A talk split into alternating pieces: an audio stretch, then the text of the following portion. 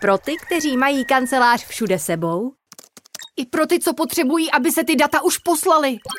5G je teď úplně pro každého živnostníka ve všech našich nových tarifech. Více na t-mobile.cz Posloucháte první díl podcastu Americká krása týdeníku Respekt. Tentokrát o amerických volbách do kongresu. Od mikrofonu vás zdraví Štěpán Sedláček, Bára Chalupková, Jiří Sobota. Přejeme podnětný poslech.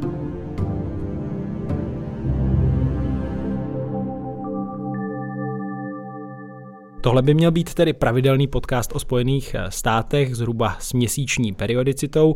Dnes máme na stole výsostné politické téma midterm elections. Eh, demokratickému prezidentovi Joe Bidenovi zbývají zhruba dva roky ve funkci v tom prvním funkčním období a teď se tedy rozhoduje, jak velký manévrovací prostor eh, bude mít. Američané volili zástupce do zhruba třetiny senátu, sněmovny reprezentantů, ale také guvernéry. My se teď spolu bavíme 9. listopadu kolem čtvrté hodiny odpoledne středoevropského času, kdy tedy ještě není na 100% úplně jasné, kdo bude mít nebo do jaké míry bude mít v kongresu eh, většinu, ale asi se dá říct, že ta Očekávaná červená republikánská vlna, o které se hodně psalo, se tedy přes eh, Spojené státy nepřehnala. Je to tak? Tak Báro, začni. Co se stalo? Co víme teď, tak víme, že vlna asi nebude byť republikáni nejspíš tu převahu v kongresu asi protlačí, ale bude to, nevím, třeba ty jako projekci, jaký jsou teď teda ve středu odpoledne, tak je třeba převaha pěti hlasů, deseti hlasů. Rozhodně to nebude třeba 40 hlasů, což je třeba ten jako rozdíl, kterým přetlačili demokrati uh, před čtyřmi lety, tehdy Donalda Trumpa po dvou letech, nebo třeba, nevím, takový ty jako známý velký volby, 60 hlasů v roce 2010, já jsem to jako hledala, jo. Co jsou ty čísla, na který si republikáni vlastně jako doufali a věřili a mluvili o tom, že 60 hlasů, 50, 40. Tak, tak to tak nebude, no. A jak to dopadne v Senátu, Zatím vlastně víme jeden velký výsledek a to je, že eh, John Fetterman porazil doktora Oze, Což je vlastně příběh, o kterém my jsme psali několikrát v Respektu. Nikdo z nás si netroufal typnout, eh, kdo tam vyhraje, protože tam, jak jsme to popisovali, v tom bylo zamotaný spousta věcí. Fetterman dostal mrtvici, nepůsobil vlastně jako vůbec, vůbec sebejistě. A, a zároveň vyhrál že v Pensylvánii, což je stát, kde by republikáni podle mě za normálních podmínek, teda v těch podmínkách, jaký dneska jsou, tak prostě měli vyhrát. To je stát tady jako půl na půl, v Americe obrovská inflace. Je to prostě stát, kde z normálních podmínek republikáni by ho jako měli, měli dostat a oni ho vlastně nedostali, což si myslím, že je vlastně jeden z nejlepších příkladů toho, že ta jako rudá vlna se nekoná. Já myslím, že k tomu symbolickému příběhu z Pensylvánie se ještě můžeme blíže dostat. Čili se nepotvrdilo teda to, řekněme, takové pravidlo americké politiky, že úřadující prezident eh, v těch midterm elections významně ztrácí moc. Je to tak, Jirko? No, nepotvrdilo se to, nepotvrdili se vlastně průzkumy, které vypadaly v posledních dvou měsících pro demokraty docela tragicky. A opravdu ta tendence byla utíkat směrem k republikánům. A je to, jako, je to velké překvapení. Já myslím, že v tuto chvíli jsou docela hodně překvapení samotní demokraté že to nečekali vlastně. On je to úspěch, nebo nečekali takový úspěch. Byť ten úspěch samozřejmě je relativní slovo. Jo. Oni pravděpodobně samozřejmě ztratí tu převahu v kongresu, kterou měli, neutrží obě komory, to by bylo velké, velké překvapení. A nevy, ne, nevypadá to tak, že by se to podařilo. Naopak pořád ještě existuje ta možnost, že ztratí i Senát, čili ztratí celý kongres, ale ztratí ho těsně. A je otázka, jakou pak budou mít uh, republikáni, vlastně jaký budou mít manevrovací prostor i s tou převahou, kterou budou mít. Ale překvapení to je. Troufnete si odhadnout, eh, jak dlouho to ještě potrvá, než budeme mít opravdu jednoznačný výsledek a budeme moct říct, jaká je opravdu na 100% eh, ta váha republikánské strany v kongresu? Ono to vlastně možná bude trvat ještě dlouho, protože ty volby do Senátu eh, v Georgii vypadá to tak, že dopadly v podstatě remízou. Znamená, že ani jeden z těch kandidátů nemá potřebných 50%. A to podle tamních pravidel znamená, že se ty volby musí opakovat. A když se budou opakovat na začátku prosince, jestli se nemýlím, to znamená, že do té doby to nebudeme vidět. A vzhledem k tomu, že ten Senát může skutečně vyset na jednom hlasu, tak eh, v tuhle chvíli eh, nemůžeme říct, jak to dopadlo. Byť existuje možnost, že ty volby v Georgii už pak budou zbytečné. Že jo? Tam... jo, tam myslím, když dostanou Nevadu a Arizonu, tak... Jo, ale může se prostě stát, že budeme čekat ještě měsíc na doplňovací volby v Georgii. V Georgii ten souboj eh, byl, my si chcete přiblížit. To... Georgie je vlastně pro super příklad státu stejně jako je Pensylvánie. V tom smyslu, že ten republikánský kandidát vlastně kandiduje za demokraty uh, Rafael Warnock, což je prostě afroameričan, pastor, taková jakoby vlastně trochu charismatická figura. A proti němu kandidoval Herschel Walker, což prostě je chlapík, který žil v Texasu. Um, A, ale zároveň jako on, on pochází uh, z Georgie. A je to jako prostě milovaná hvězda tamního fotbalu. Prostě pán, co hrál strašně dobře fotbal. A, ale až na to, že hrál strašně dobře fotbal, tak jako nemá žádnou úplně jako objektivně viditelnou kvalifikaci pro to, aby to byl jako senátor, jo, což je vlastně, fakt jako v americké politice to moc vejš nejde než do senátu. A, a on prostě má hrát Trump, Trump ho podpořil, a díky tomu vyhrál ty primárky v Georgii. Ale je to fakt strašně špatný kandidát. Jo. Těch, těch skandálů kolem mě je, je hromada. Kromě toho, že fakt vůbec jako nevypadá, nemluví tak, jako že by byl kvalifikovaný pro to, aby tu funkci dělal, tak tam prostě byly taky jako skandály, že on, protože je to jako Trumpovský kandidát, tak jako velmi vystupuje třeba proti potratům, vyplynuli na něj vlastně jako ne 100% potvrzený, ale vlastně jako věrohodný podezření, že on jako nějakým způsobem tlačil na své předchozí partnerky pro to, aby vlastně jako šli na interrupci a, a takovéhle věci. Jo. Je to vlastně jako hrozně slabý kandidát a dí, asi i díky tomu jsou ty volby tak vyrovnané. Dá se už teď říct něco s jistotou o tom složení kongresu? Něco, co stojí za to teď zmínit? Dá se říct s jistotou, že se tam dostalo obrovské množství lidí, kteří popírají výsledky prezidentských voleb. No, na straně republikánů těch kandidátů na různých patrech státní zprávy bylo zhruba 300 to není jenom do kongresu, ale je to jde na úrovni jednotlivých států, to znamená na úrovni guverna, eh, guvernérů, ministrů vnitra nebo ministrů spravedlnosti v jednotlivých státech. A v tuhle chvíli už víme, že těch úspěšných kandidátů, kteří tam dostali, je dvě, minimálně 200. 150 z nich míří do dolní komory, do sněmovny reprezentantů. A asi 16, myslím, že jich bude sedět eh, v Senátu a asi 20, nevím, jestli mi to vychází, ty ten součet, ale tak je, je na té na státní úrovni a to je výsledek, který může mít pro Ameriku za dva roky nějaký významný dopad v tom, jak se budou počítat výsledky voleb, prezidentských voleb v roce 2024.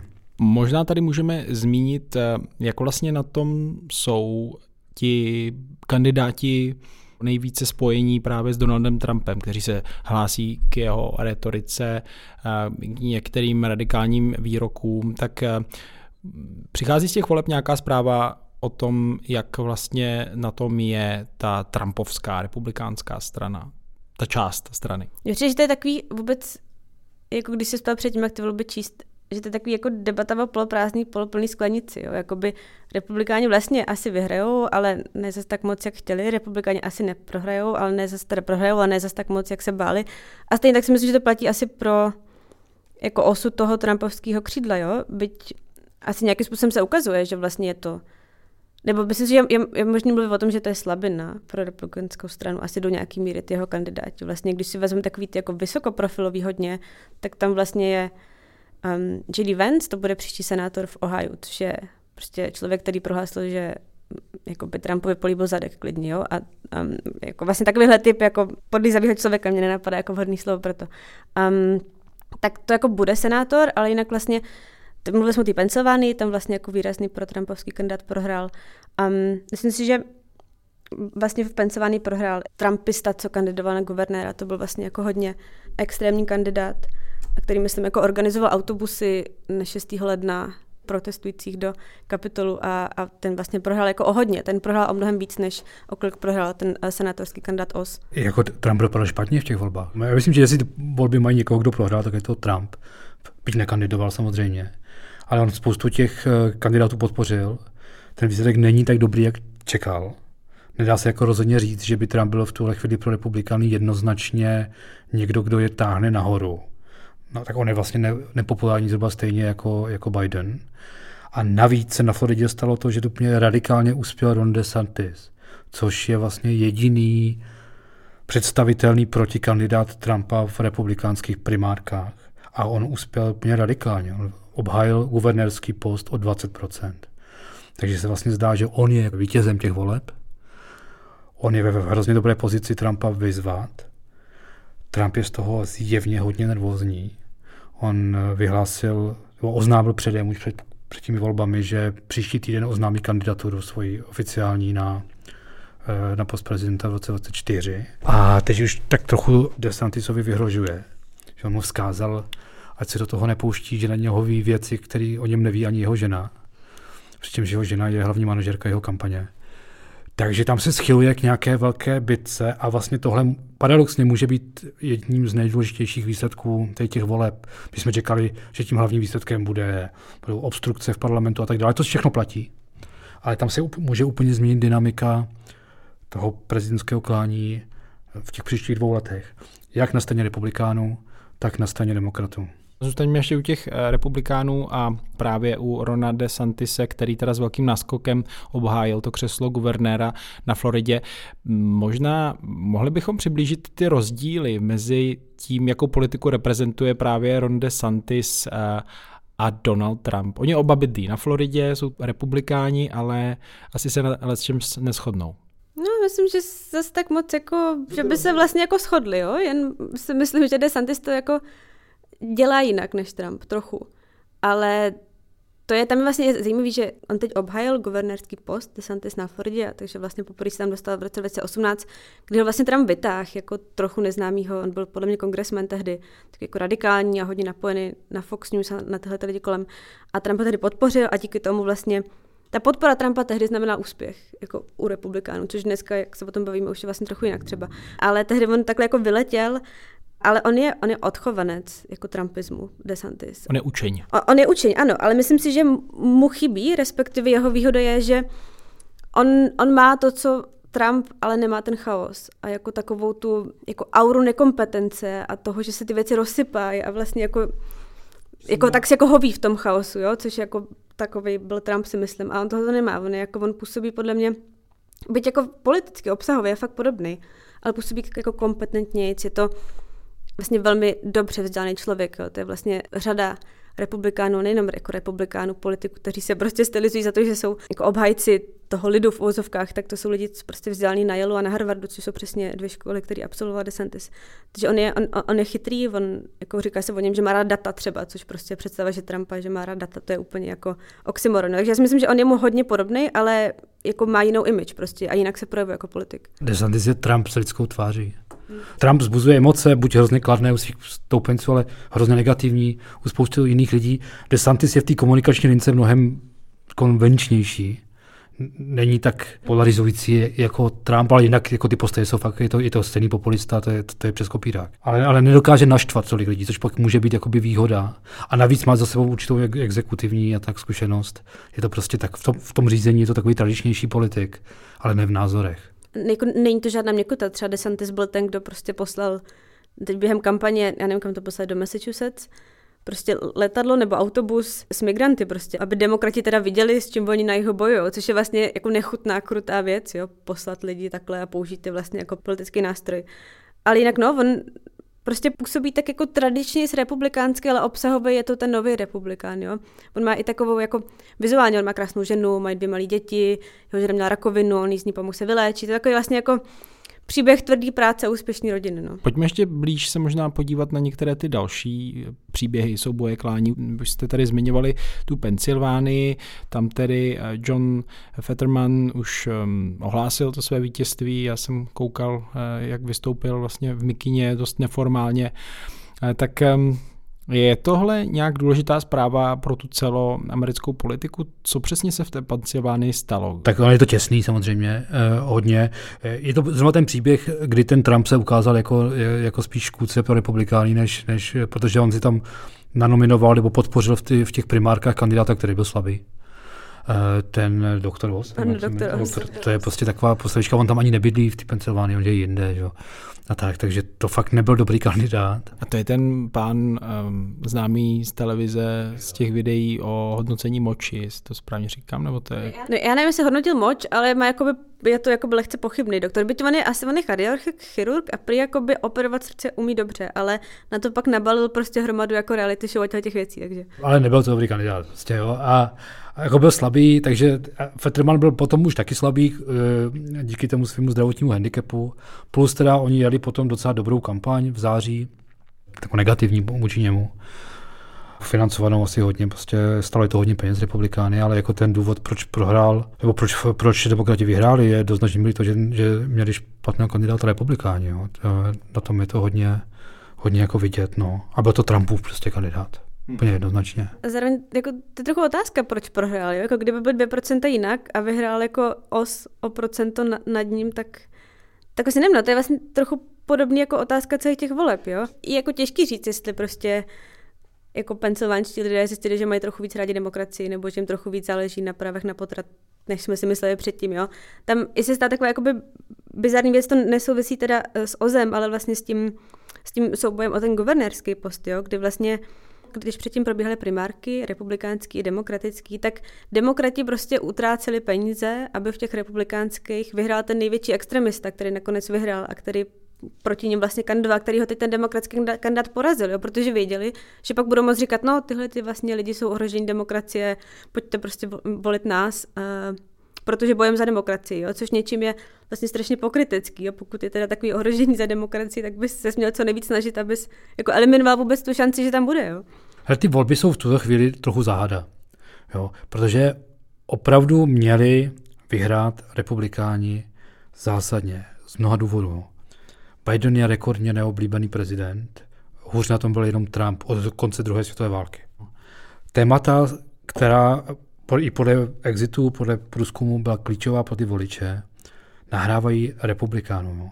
Na prvním místě byla ekonomika, což znamená inflace v tuto chvíli. Demokrati na to nemají vůbec žádnou odpověď, nebo nezdá se, že by měli. Na druhém místě byla vlna zločinnosti, kterou se, která je sporná, jestli existuje, ale republikáni dobře prodávali v kampani. A na třetím místě byla, myslím, migrace. A to je to, co tady už zmiňovala Bána. Oni dokázali v té kampani to úplně perfektně využít.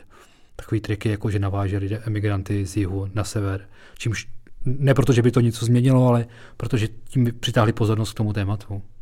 Takže oni opravdu měli prohrát. Plus ještě je tam samozřejmě to, co si říkal na začátku, že je tam ta tradice, vždycky, když jedna strana ovládá všechny páky moci, tak ji vyhnat a to, vybalancovat. Takže všechno nasvědčovalo tomu, i ty průzkumy nasvědčovaly tomu. A najednou se ukázalo, že se to nestalo. A myslím, že ten důvod, proč se to nestalo, ten se bude hledat ještě nějakou dobu. Jedna z teorií je, že ta americká politická scéna už je natolik zabetonovaná, že je to opravdu souboj dvou táborů, který jdou k volbám a házejí tam lístky té své straně jenom ze strachu, aby nevyhrála ta druhá. Že jde stále méně o témata, o situaci a tak dále a jenom instinktivně se hlasuje. To znamená, i když všechno nahrávalo třeba republikánům, tak i demokrati stejně přišli a stejně házeli jenom, aby republikáni nevyhráli. Ale to je teorie, jo? to fakt v tuhle chvíli nikdo nedokáže asi na to odpovědět. Je to překvapení, jak už jsme říkali na začátku. Taková nějaká kmenová mentalita. No, prostě ta obava jako obava z té druhé strany, jo, kdy vlastně máš pocit, že svět, ve kterém chceš žít, je prostě tak jiný, než tady ta druhá strana nabízí. A to máš jako spojený s tím, který témata prostě řešíš, jo. Neřešíš tak moc témata jako před 70 lety, jako daně a takovéhle věci. Prostě řešíš věci jako náboženství, jako kulturní otázky, identitární otázky, prostě věci, které se tě jako dotknou mnohem víc jako člověka. Jo? Když máš pocit, že ta druhá strana je prostě úplně jinde, než kde seš ty, tak, tak to fakt vyžaduje hodně. To je ta otázka, jo? co to teda vyžaduje, aby zmínil, pro koho budeš volit, jo? protože vlastně, když se pojáš na to, co se jako stalo vlastně v americké politice v posledních letech, tak, tak to jsou strašně dramatické věci, jo? prostě máš přes milion mrtvých lidí na pandemii, máš jako kvůli tomu úplně pozastavenou, pak zase jako rozjetou divoce ekonomiku, kterou vlastně nikdo moc nerozumí.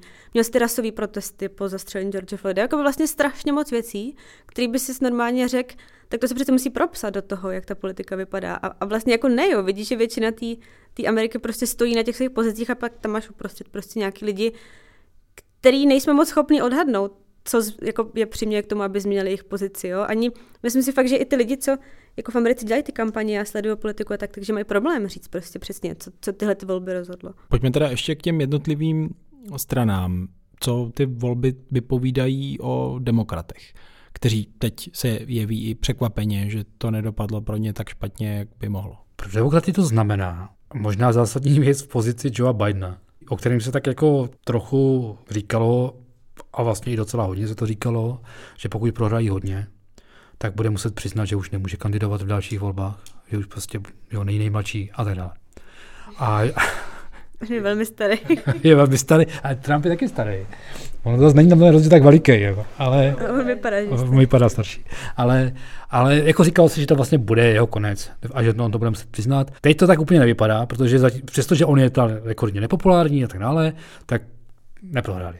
nebo prohráli málo. To znamená, že on bude možná schopen opravdu říct, já do toho jdu znova, čímž vlastně velmi zúží manevrovací prostor kohokoliv mladšího, kdo by ho chtěl eh, v čele strany třeba nahradit, nebo kdo by chtěl kandidovat v těch příštích volbách a je otázka, jestli je to dobře. A zazářil někdo z demokratů v těch volbách, takže by třeba mohl si na tohle myslet? V někom nevím, takhle z hlavy. Myslím si, že nejnadějněji, co mluvilo o panu Ryanovi, který v Ohio prohrál o 8 bodů s J.D. Vencem, ale jako tam to bylo fakt těžký, jo, takže on asi i tak byl dobrý, ale No, nebo víš, tak mluvilo se taky třeba o tom Fettermanovi, ale jako v létě, vlastně dávno zpátky, jo, kdy si do něj podle mě trochu jako projektoval, je toho demokrata, který ho bys chtěl najít, jo, toho, který je liberální, je progresivní, ale umí to i s těma lidmi na venkově.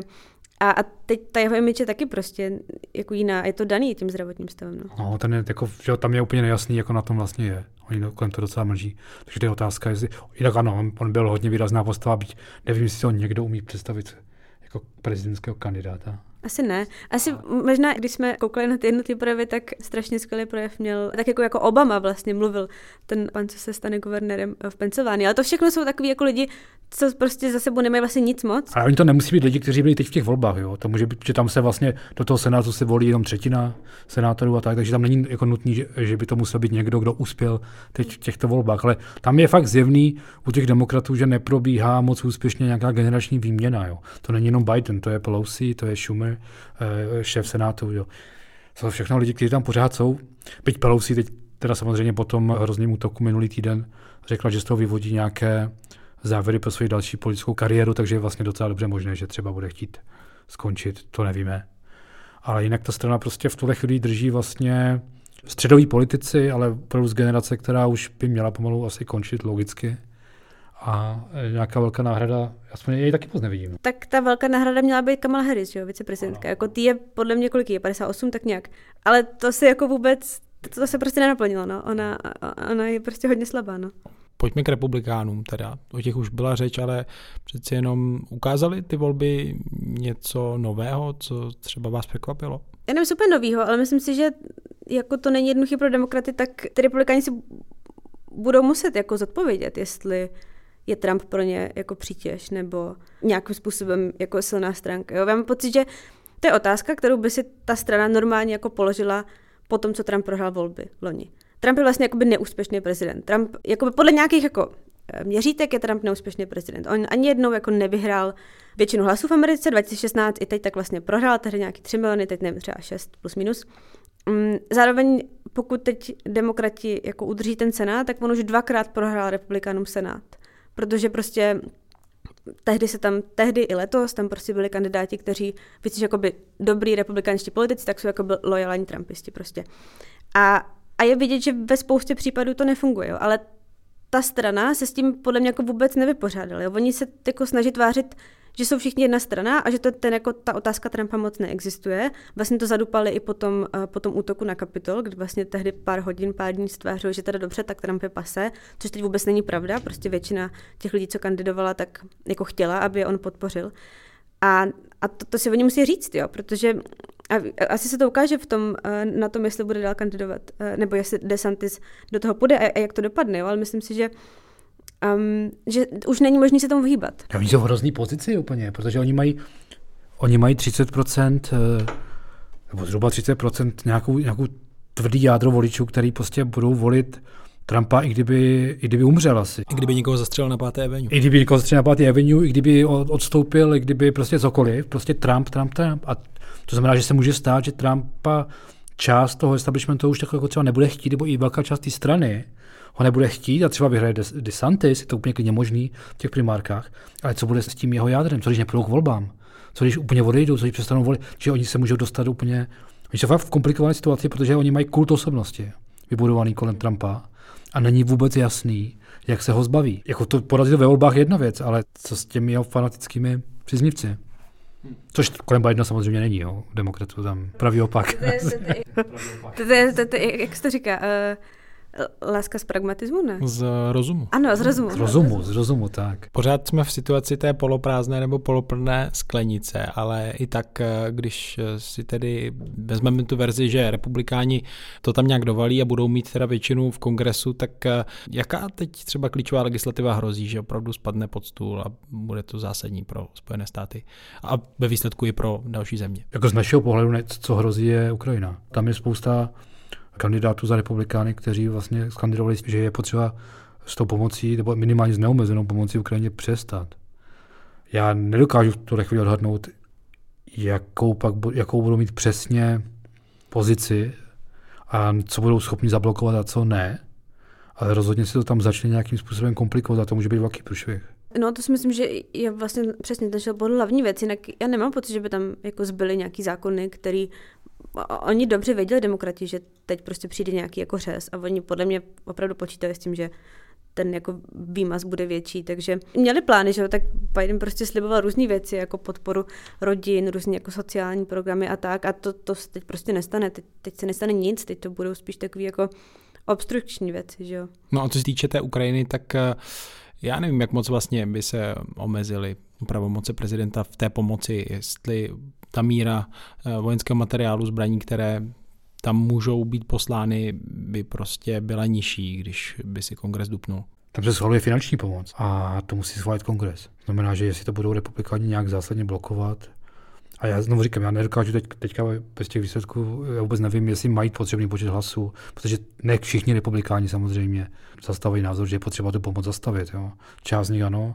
jak bude velká, jak bude silná. Rozhodně se to může začít komplikovat. Jo. Je to trošku... Ale takhle, je tam jeden dobrý signál. Kreml vydal krátce po, po volbách prohlášení, že výsledky nenapomohou zlepšení vztahu mezi Spojenými státy a Ruskem. Takže myslím, že volby dopadly výborně. Shodli jsme se, že je těžké vynášet teď nějaké jednoznačné soudy, ale přeci jen co ty volby i z hlediska toho, co se dělo před nimi, vypovídají o, o stavu americké společnosti. Co byste chtěli vypíchnout? I třeba ve srovnání s tím, co se prostě dělo před a během těch minulých voleb. Já třeba osobně mám poslední dobou hrozně silnou tendenci vidět Ameriku v takových jako temných barvách. A tyhle volby jsou docela milý překvapení, že to není tak hrozný. Už jenom třeba to, že nikdo zatím nespochybnil výsledky nikde. Nikde nebudou žádný, jako nikde se nikdo nepodval. Nikdo ne, ne, nezautočil proti žádné budově kongresu v žádném státě. Jo. Všichni uznávají výsledky. K těm volbám přišli voliči v hojným počtu. To znamená, že tam pořád jakoby panuje představa, že jít k volbám se vyplatí a že to tak má být. Byť to třeba může být ta motivace negativní, jak jsme se tady o tom bavili, že oni tam chodí třeba už dneska ze strachu, aby nevyhráli ti druzí. Ale chodí. A pořád to ještě řeší touto cestou. A když vezmeme v úvahu, že teda nezabrali nebo že vlastně třeba demokrati jeli tu kampaň v poslední fázi na tom, že v ohrožení je demokracie.